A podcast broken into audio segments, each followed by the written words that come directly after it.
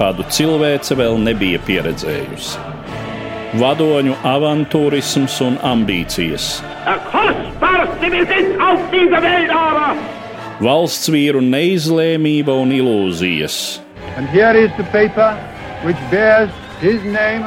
Arvien jaunas valstis ievilktas kara virpulī.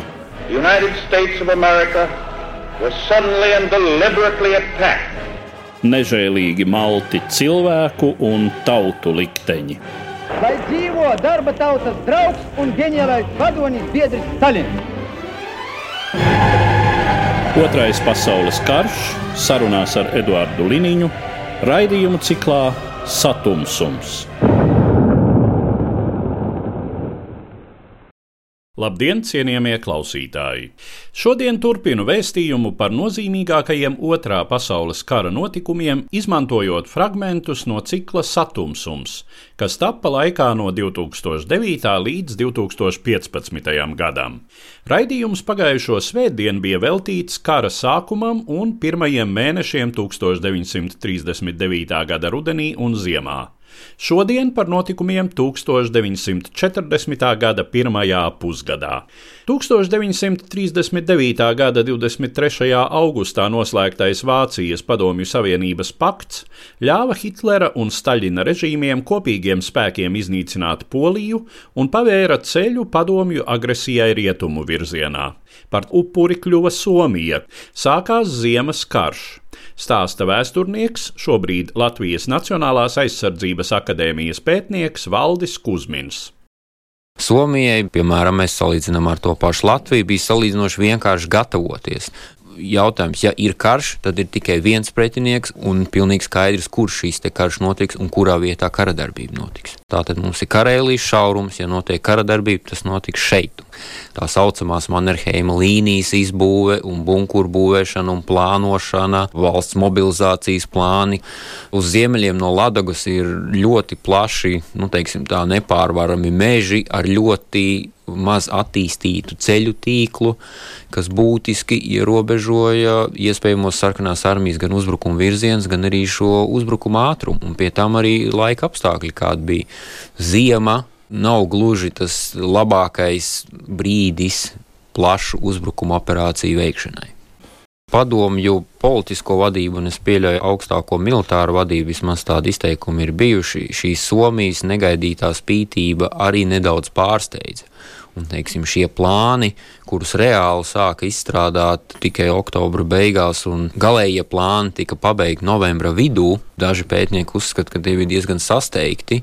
Protams, kad valdīja zinām, tāda eiforija, it sevišķi pēc pievienošanas karagājieniem uh, Rietumu Baltkrievijā un Rietumu Ukrainā, pēc kara darbības pie Halhingolas pret Japāņu karaspēku, kur tika diezgan satriecoši panākumi sarkanās armijas vadošajās aprindās. Uzskatīja, ka Somija izdosies diezgan ātri iekarot. Sākās 30. novembrī, tad tā apmēram līdz Staļina dzimšanas dienai, 21. decembrī, Somija bija jāiekaro. Izšķirošās cīņas nenoliedzami tas ir kareivijas šaurums. Taisnā līnijā, šaurākajā vietā tas būtu nedaudz mazāk par 90 km tā saucamā Mannerheima līnija, kur frontes līnija nostiprinājās 39. gada decembra vidū un noturējās līdz pat 1940. gada februāra sākumam. Galīgi šī Mannerheima līnija tika pārauta 40. gada no 11. līdz 15. februārim liela uzbrukuma rezultātā. Kopējām uzbrukumam bija paredzētas četras armijas. No stiprākā 7. armija, kas uzbruka tieši šajā Karēlijas šaurumā, 9 strēlnieku divīzijas, tanku korpusu, tanku brigādes, tātad ļoti nopietnas spēks ar 400 tūkstošu cilvēku, pusotru tūkstošu tanku. Pārējās trīs armijas bija paredzētas iesaistīt kara darbībā starp Ladagas ezeru un Murmanskas pilsētu. 8. armija tieši ziemeļos no Ladagas ezera. Tās sastāvā bija paredzēts seši strēlnieku divīzijas, pēc tam tālāk vēl uz ziemeļiem 9. armija ar uzdevumu pārgriezt Somiju tā šaurākajā vietā, nu, lai tik līdz Botnijas līcim pie Oulu pilsētas. Tās sastāvā bija četras strēlnieku divīzijas, protams, ar papildus armijas vienībām, un Murmanskas apkārtnē būtu vēl viena 14. armija trijām strēlnieku divīzijām. Uz ziemeļiem no Latvijas ezera šī kara darbība bija diezgan ierobežota, jo apvidus apstākļi nepieļāva plaša mēroga kara darbība. Tā vismaz domāja Somijas bruņoto spēku vadība, kurai novembra beigās, decembra sākumā, piemēram, bija ļoti liels pārsteigums par to, ka sarkanā armija, piemēram, uz tā paša rātes ceļa un somu salmi, kur vēlāk kļuva par ļoti slavenu kauju vietām, tas ir virzienā uz Oulu pilsētu 9. armijas uzbrukuma sektorā iesaistīts tik daudz karaspēka un kurš būtu tik spēcīgi nodrošināts gan ar autotehniku, gan ar smagu artēriju, gan ar tankiem, gan vispārējo, ko rādīja vēlāko kauju gaita, ka šīs divīzijas arī cieta ļoti smagas zaudējumus nepiemērotos dabas apstākļos. Un arī jāatzīst, ka šo divīziju organizācija nebija pārāk piemērota šiem dabas apstākļiem ziemas laikā. Šāda vidusmēra sarkanās armijas strelnieku divīzija bija gan skaita, gan tehnikas ziņā daudz smagnējāk nekā, piemēram, Vācijas bruņoto spēku kājnieku divīzijas 41. gadā. Piesātinātība ar smago tehniku bija ļoti liela.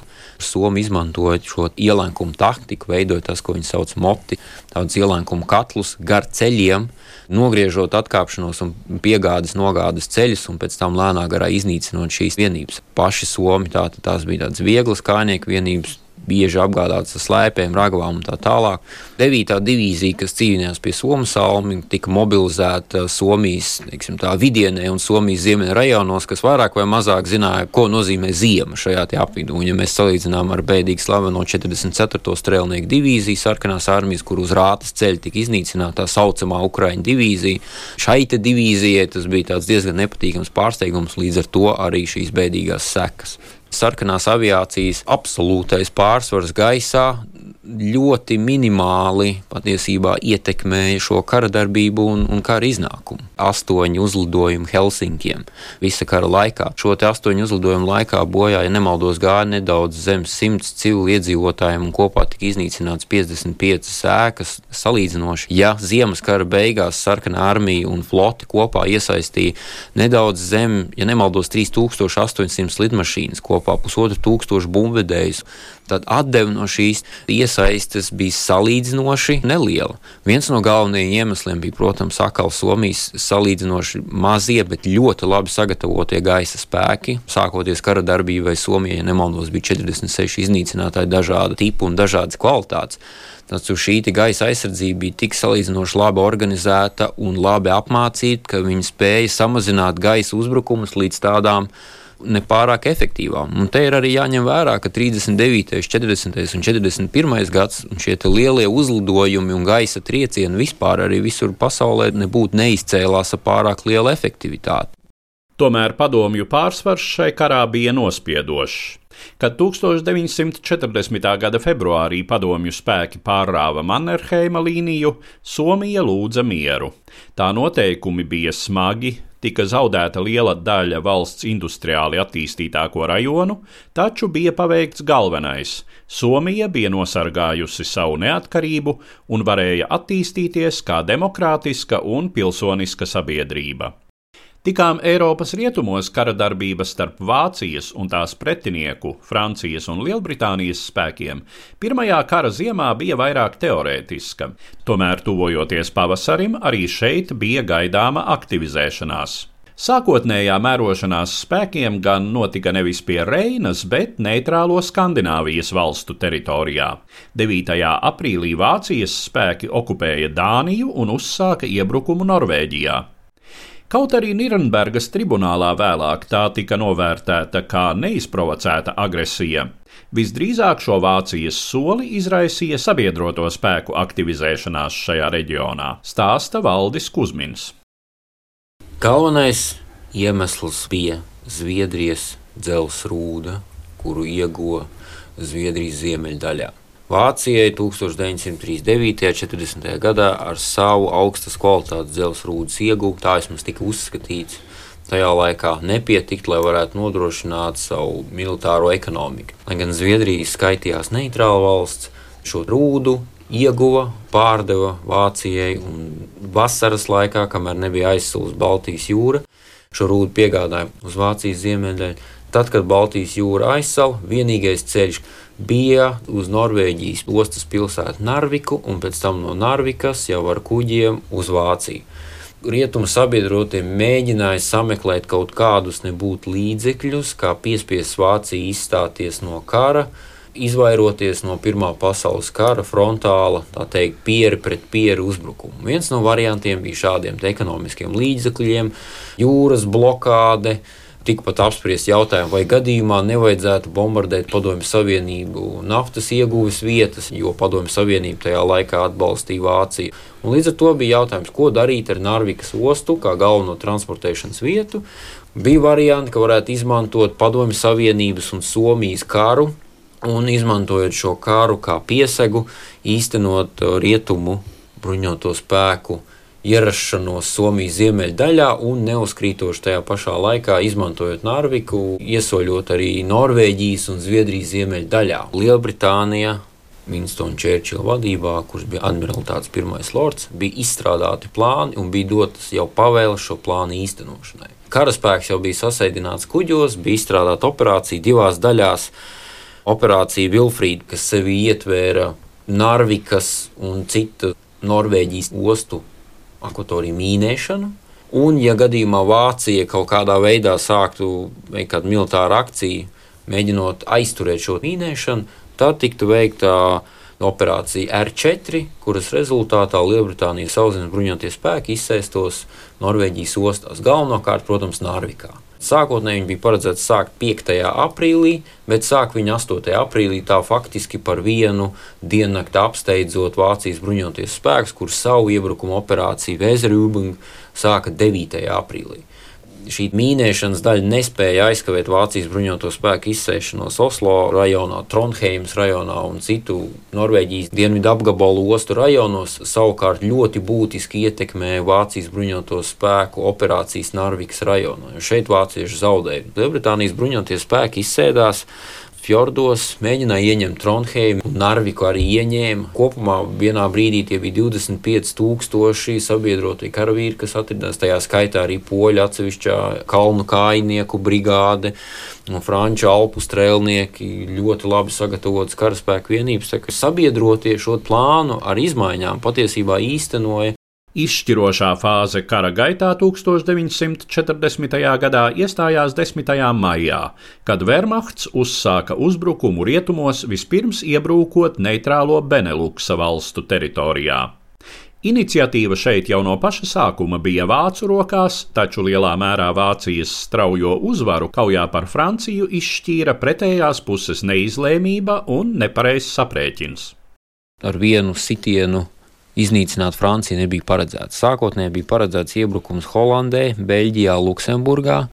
Ar nolūku ieņemt šīs neitrālās valstis, lai nepieļautu, ka šīs neitrālās valstis ieņemtu Franciju un Lielbritāniju, respektīvi, un šādā veidā gatavoties iespējamai ilgstošai karadarbībai Rietumu frontē. Un pēc tam tikai laika gaitā tas Ērika von Manšteina plāns, ka būtu jāveic galvenais uzbrukums cauri Luksemburgas ziemeļdaļu un Beļģijas dienvidaļu, tātad caur Ardēnu kalniem, ar mērķi varbūt šajās Benelūks valstīs arī ielenkt galvenos sabiedroto spēkus. Bet arī šajā pēdējā variantā bija paredzēts, ka no sākuma ir jāveic šis iebrukums, ir jāizcīna placdarmi, jeb priekštildu pozīcijas māsas upes rietumu krastā. Pēc tam tik bija paredzēts ilgstošs konsolidācijas periods, un pēc tam jau skatītos, kas notika tālāk. Ja, šeit nebija no sākuma paredzēts, ka uzbruksim Parīzē, ieņemsim Parīzi un iznīcināsim Franciju vienā piegājienā. Plāni bija diezgan konservatīvi. Un, ja mēs runājam par sabiedroto plāniem, tad arī šeit nu, diezgan bieži vienmēr tiek uzsvērta Mažino līnija, Francijas aizsardzības ministra Andreja Mažino vārdā nosauktā nu, šīs līnijas, teiksim, tāda lielākā un būtiskākā daļa stiepās no Šveices dienvidos līdz Luksemburgai ziemeļos un vēl daļai tālāk arī Beļģijas teritorijā. Un tad finālais plāns, ko sabiedrotie arī ar diezgan lielām diskusijām paredzēja tomēr, ka sabiedroto armijas Britu ekspedicionālais korpus, divas franču armijas kopā ar Beļģijas armiju tomēr galveno aizsardzības līniju būvēs nevis uz Francijas-Beļģijas robežas, bet Beļģijas vidienē, Dailas upes krastā. Nu, ļoti sekmēja vēlāko sabiedroto bruņoto spēku diezgan ātro sagrāvi Francijas ziemeļdaļā. Ko viņi neņēma vērā, var būt, un kas arī izšķīra, ir vācu uzbrukuma dzeltenā plāna, Falgelda galvenais uzbrukuma virziens, kas atradās tieši Ardēnos, ar galveno uzbrukumu virzienu Sedānas virzienā, cauri Ardēnu mežu masīvām ar lielām motorizētām vienībām. Tad 10. maijā sākt Falgelbu īstenošanu, šo 10. māju arī varētu uzskatīt par kaujas par Franciju sākuma datumu. Galvenais uzbrukuma virziens tomēr šiem diviem tanku korpusiem, tā sauktā kleista tanku grupa, kur viens no tanku korpusu, protams, visslavenākajiem komandieriem bija Heinz Gudrijāns. Šīs tanku korpusu uzbruka cauri Luksemburgas ziemeļdaļai un Beļģijas dienvidu daļai, virzoties tālāk uz Māsas upi. Nu, te būtu vairāk faktoru minam, kādēļ šim vācu tanku vienību uzbrukumam caur šim sektoram bija tik liels panākums. Viens no galvenajiem bija, protams, Vācijas gaisa spēku efektīvākā darbība tieši virs kaujas lauka, kad tika nodrošināta automašīna, apgādes vienība, otrā ešalona vienība un vispārējo vienību virzīšanās caur četriem ceļiem. Četri ceļi tas ir ļoti maz, un viņi bija bīstami pakļauti iespējamiem gaisa uzbrukumiem. Tas, ka Vācijai izdevās izcīnīt gaisa pārsvaru vismaz pirmajās dienās šajā konkrētajā sektorā nodrošināja to, ka jau trešajā dienā sākās māsas upes forsēšana. Franču komandieri, kas aizstāvēja šajā sektorā, ļoti pamatot uzskatīja, ka vācieši šeit neuzbruks līdz brīdim, kamēr netiks pievilkta smaga artērija. Un šajā brīdī vācieši īstenoja to, kas līdz tam nebija īstenots, ka šo smago artēriju aizvietoja vācu gaisa spēku nepilnīgi 4000 uzlidojumu vienas dienas laikā. Tas stipri vien pārspēja to, ko varētu izdarīt vācu smaga artērija. Šajā gadījumā, protams, arī kļūdas, apstākļu sakritība, nepamatotas masu panikas gadījumi Franču karaspēku vienībās. No 14. līdz 16. maijam šis plātsdarbs pār māsas upē tiek izcīnīts. Kļūst skaidrs, ka pie Sedānas ir noticis šis nu, sākotnēji vēl tikai operatīva sakāve, kurai ir iespējams, ka tā kļūs par tādu arī strateģisku sakāvi. Tad bija jāpieņem lēmums un jāmaina plāns. Un šī plāna izmaiņa, diemžēl, nu, nevarēja tikt īstenot. 7. franču armija, kas sāka virzīties nu, teiksim, Antverpenes virzienā, šīm vienībām bija jāveic trijās dienās vairāk nekā 200 km. Un atsevišķu tanku divīziju šo attālumu arī veica tajās pašās divās vai trijās dienās būtu jāveic tie paši 200 km dienvidu virzienā pretēju citu vienību straumē. Kad 19. maijā atcelts no, no amata iepriekšējais Francijas bruņoto spēku virspēlnieks, viņa vietā nāk nākamais Šals Veigāns. Šeit noteikti ir jāuzsver arī viena tāda ļoti interesanta lieta, kad 16. maijā šīs priekšējās vācu tanku divīzijas, gan Rommels, gan arī Gudrijāna tanku korpus sāk virzīties tālāk uz rietumiem no Māsas upes. Šī virzīšanās bija pretēji augstāko komandieru pavēlēm zemākie komandieri rīkojās paši uz savu galvu, nerespektējot saņemtās pavēles un darbojoties pat pretēji šīm pavēlēm. Jo pēc vācu plāniem bija paredzēts vairākas dienas, lai sagaidītu, kamēr šajos priekšējos placdarmos ieradīsies kājnieku vienības, un pēc tam jau bija paredzēts šis nākamais lēciens. Veigānu plāns, kur īstenošana, varētu teikt, sākās no 21. maija Britu ekspedīcijas korpusu tanku vienību pretuzbrukums pie āras Šarla de Gaulle komandētās tanku divīzijas uzbrukumu no dienvidiem, kas bija tādi neliela mēroga taktiski panākumi. Praktiski beidzās divu dienu laikā, 23. maijā vegānu plāns jau pārstāja funkcionēt, un šeit vairs nav aktuāla šī izlaušanās no ziemeļiem uz dienvidiem, bet sākās atkāpšanās ziemeļa virzienā, kas noslēdzās ar šo sabiedroto spēku ieslēgšanu Dunkerkas ostā. Un jau ar pēc tam sekojošo vairāk vai mazāk slaveno operāciju Dienāmo, tas ir šo spēku evakuācija no Dunkerkas uz Lielbritāniju. Kopumā no Dunkerkas tika evakuēti 198,000 britu karavīri un apmēram 140,000 franču karavīri. Tur vēl arī bija beļģu karavīri, kas tur radīja tādas zināmas grūtības, jo oficiāli 28. maijā tas tieši pa vidu šī operācija Beļģijas bruņotie spēki kapitulēja. 5. jūnijā sākas tas, ko sauc par Falrot. Tas ir uzbrukums uz dienvidiem, ar galveno mērķi jau ieņemt Parīzi. Tika pieņemts lēmums, ka situācija ir ļoti labvēlīga, šīs tanku vienības, un te jau, protams, arī variants arī šajā Dunkerkas kontekstā, vai ir vērts mēģināt tagad iznīcināt Britus un dot kādu iespēju Frančiem atgūties. Tad varbūt ir daudz nepieciešamāk sākt uzbrukumu dienvidu virzienā, un sakaut Franciju un šādā veidā mēģināt izslēgt Franciju no kara darbības vispār. Jo šajā brīdī dažādi varianti, bet pēc būtības tie apmēram nu, teiksim, tā, 600 km frontes līnijas, kas bija jāaizstāv Francijas bruņotajiem spēkiem ar apmēram 60 divīzijām. Šajā brīdī tas bija stipri par mazu. Šobrīd Vācija jau bija izcīnījusi ne tikai pārsvaru, faktiski viņi dominēja gaisā. 14. jūnijā tiek ieņemta Parīze. 17. jūnijā radio tiek paziņots, ka Francija ir gatava sākt sarunas par pamieru noslēgšanu ja nemaldos, 22. jūnijā. Tātad arī šī jau diezgan slavenā pamiera parakstīšana tajā pašā kompjēnas mežā, tajā pašā vilcienu vagonā, kur beidzoties Pirmajam pasaules karam tika parakstīts pamieris. Dunot pēdējām 1940. gada cīņām Francijā, savu agresiju Eiropas austrumos izvērsa Padomju Savienība. 1940. gada 14. jūnijā Lietuvai tika iesniegts padomju ultimāts ar prasību ielaist savā teritorijā neierobežotu padomju militāro kontingentu un izveidot Padomju Savienībai lojālu valdību. Lietuva pakļāvās. Nākamajā dienā padomju spēki okupēja Lietuvu, kā arī sarīkoja provokatīvu uzbrukumu Latvijas robeža apsardzības postenim Masļenkos. 16. jūnijā Lietuvai analoģiskas prasības saņēma Latvijas un Igaunijas valdības. Latvijas un tās tā brīža vadītāja Kārļa Ulmaņa situāciju 2010. gada cikla satumsums raidījumā analizēja vēsturnieks, 2012. gadā mūžībā aizgājušais profesors Heinrichs Strots.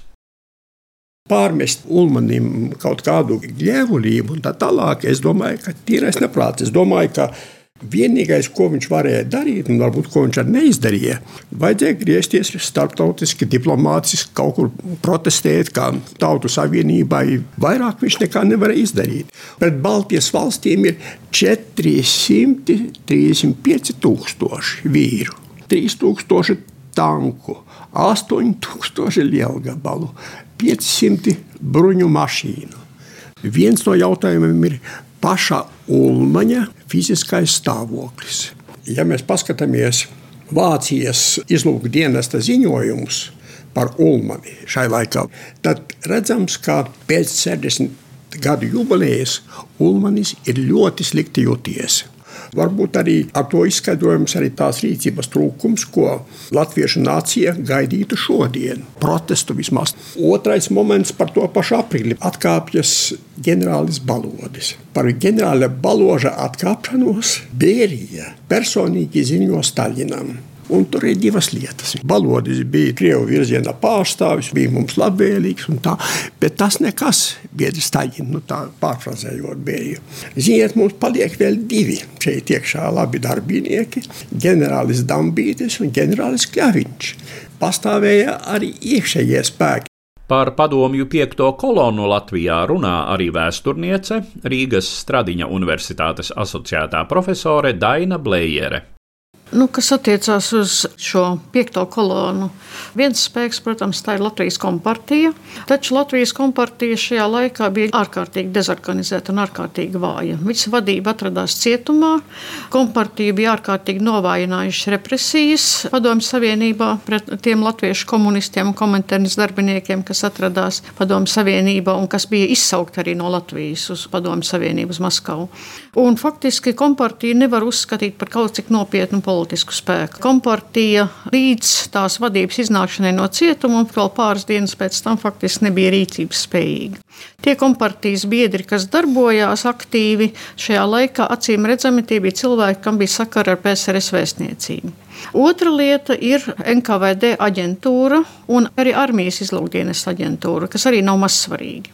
Ir pilnīgi skaidrs, ka visus 20. un 30. gadus, bet vismaz kopš 38. un 39. gada Padomju Savienība bija stipri pastiprinājusi savu darbību šajā jomā Latvijā.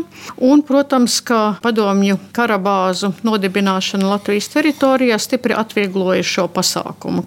Ņemsim kaut vai vērā, ka teiksim, tajā pašā Kirchensteina valdībā bija kā minimums trīs, ja ne četri cilvēki, par kuriem skaidri zināms, ka tie bija padomju slepeno dienestu aģenti. Tātad Vilis Lācis, Pēteris Blaus, Vikentijs Latkovskis, un ir diezgan tāds pamatots aizdoms arī par kara ministru Robertu Dambīti sakarā ar karabāzēm ļoti interesantu ainu parādiem mēs pāanalizējam 17. jūnijā un pirmajās dienās uzreiz pēc okupācijas, kur tad notika kaut kādas nekārtības lielāka mēroga.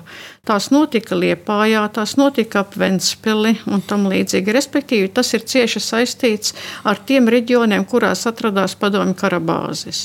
Lielā mērā, acīm redzot, šīs darbības bija inspirētas no padomju armijas izlūkdienesta puses, Kā zināms, sarkanās armijas spēki okupēja Latviju 1940. gada 17. jūnijā.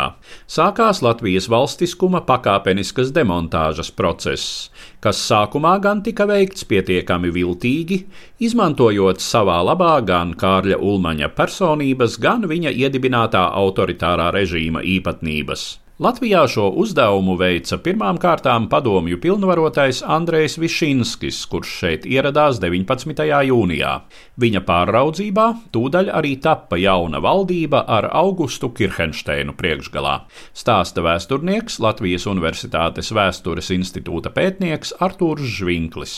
Ļoti perfekta bija šī spēle cik ideāli var izmantot autoritāro valsts iekārtu, jeb kā mēs saucam viņu reizēm 15. maija republikas valsts eh, struktūru, lai realizētu Latvijas okupācijai vajadzīgos uzdevumus, lai šo struktūru faktiski nemainītu pat cilvēkus nomainīt pakāpeniski. Pēc struktūras strādāja ideāli līdz pat 24. un 5. augustam, kad oficiāli pieņēma Latvijas PSR konstitūciju un Latvijā nodibinājās tipveida padomju varas sistēma. Līdz tam perfekti tika izmantots faktiski gandrīz neko negrozot. Ulmaņa 1934. gadā iedibinātā šī valsts varas un pārvaldes sistēma. Protams, radās tur piedēklis tautas saima, bet tā nav pašlaik mūsu sarunas tēma. Otrs - komunikācija ar Ulmani, goddevība, cieņas apliecinājumi, kā nekā runāju ar valsts galvu. Jūs esat neatkarīga valsts, mums ir līgumi. Mēs tagad esam draugi tiešām uz mūžiem, jo jūs piekritāt, jā, mums radās domstarpības, mēs viņas atrisinājām tikai viens lūgums - atsakieties no valdības vadīšanas. Bet mēs ļoti gribam, lai jūs paliekat valsts vadītājs. Tā kā arī šī kombinācija bija ļoti veiksmīga un šī rīcība taiziņā, lai atrastu šo piesēgu un vēl šodien varētu izmantot propagandā parādās Krievijas vēsturnieku darbos. Tā ir diezgan izteikta līnija. Toreiz tas ļoti, ļoti veiksmīgi Višinskim izdevās. Un šodienas raidījuma noslēgumā 1940. gada jūnija nogales situācijas vērtējums vēsturnieku profesoru Dainas Blējeres un Kārļa Kangera skatījumā. Pirmajās dienās varbūt patiešām šajā ziņā valdīja tāds apjukums un dezorganizācija. Mēs redzam, ka tāda reāla pretestība sākās 40. gada rudenī. Dažādas pretošanas grupas veidojās un tam līdzīgi. Lielā mērā, protams, to noteica varbūt visa iepriekšējā politika kopš 39. gada 5. oktobra bāzu līguma noslēgšanas. Un faktiski nu, nekas arī reāli nebija darīts, lai kaut kādu veidu eventuālu pretošanos organizētu. Jāskatās jau arī uz to, kā saprat šo padomu spēku intervenciju. Viena varbūt domāt, ka paredzēta tikai sistēma maiņa, ulmaņa režīma gāšana, vai teiksim, nevarēja vispār tik tālu aizdomāties, ka režīma gāšana arī reizē būs Latvijas valsts likvidācija. Sākumā noteikti valdīja tā dezorientācija un starptautisko tiesību normās jau Ulmanim daudz nevarēs pārmest. Arī, ja mēs skatāmies Čehoslovāķijas jautājumu, kur arī parakstīja inkorporāciju un Nürnbergas tribunālā to atzina par nelikumīgu. Tas bija noticis spaidu rezultātā un tam līdzīgi. Ulmaņa gadījumā ar tā tas ir. Ja, bet tā nelaime jau ir tā, ka Latvijas neatkarība tika atjaunot pēc 50 gadiem, un mēs šodien varam spriedelēt. Valsts, ja būtu atjaunota 45. gadā, tad būtu skaidrs runāts pēc tā laika likumiem iespējām, vai tas bija likumīgi, nelikumīgi, vai kāds par to jātiesā. Šodien mēs nevaram vairs tulkot, teiksim, kāda būtu valstiskā pozīcija bijusi 45. gadā. Tajā pat laikā es domāju, ultimātu pieņemšanas gadījumā, ja būtu vismaz teiksim, formāli pateikts, ka tas ir spaidu rezultātā, ka tas ir spiediena rezultātā, ka mēs to nedarām brīvprātīgi. Es domāju, ka tas katrā ziņā būtu atvieglojis gan Latvijas starptautisko pozīciju, gan pēc tam šo aneksijas neatzīšanas problēmu. Un kaut kādā ziņā arī sabiedrība būtu tomēr devis zinām atbalstu, ultimāta pieņemšana bez šaubām tā ļoti stipri dezorientē sabiedrību. Par turpmāko Latvijas un pārējo Baltijas valstu aneksijas un sovietizācijas procesu, kā arī par citām nozīmīgām Otrā pasaules kara norisēm 1940. gada otrajā pusē, klausieties mūsu nākamajā raidījumā. Uzredzēšanos cienījamie klausītāji! Raidījumā šīs dienas acīm cikls Satumsums - sarunas par Otro pasaules karu.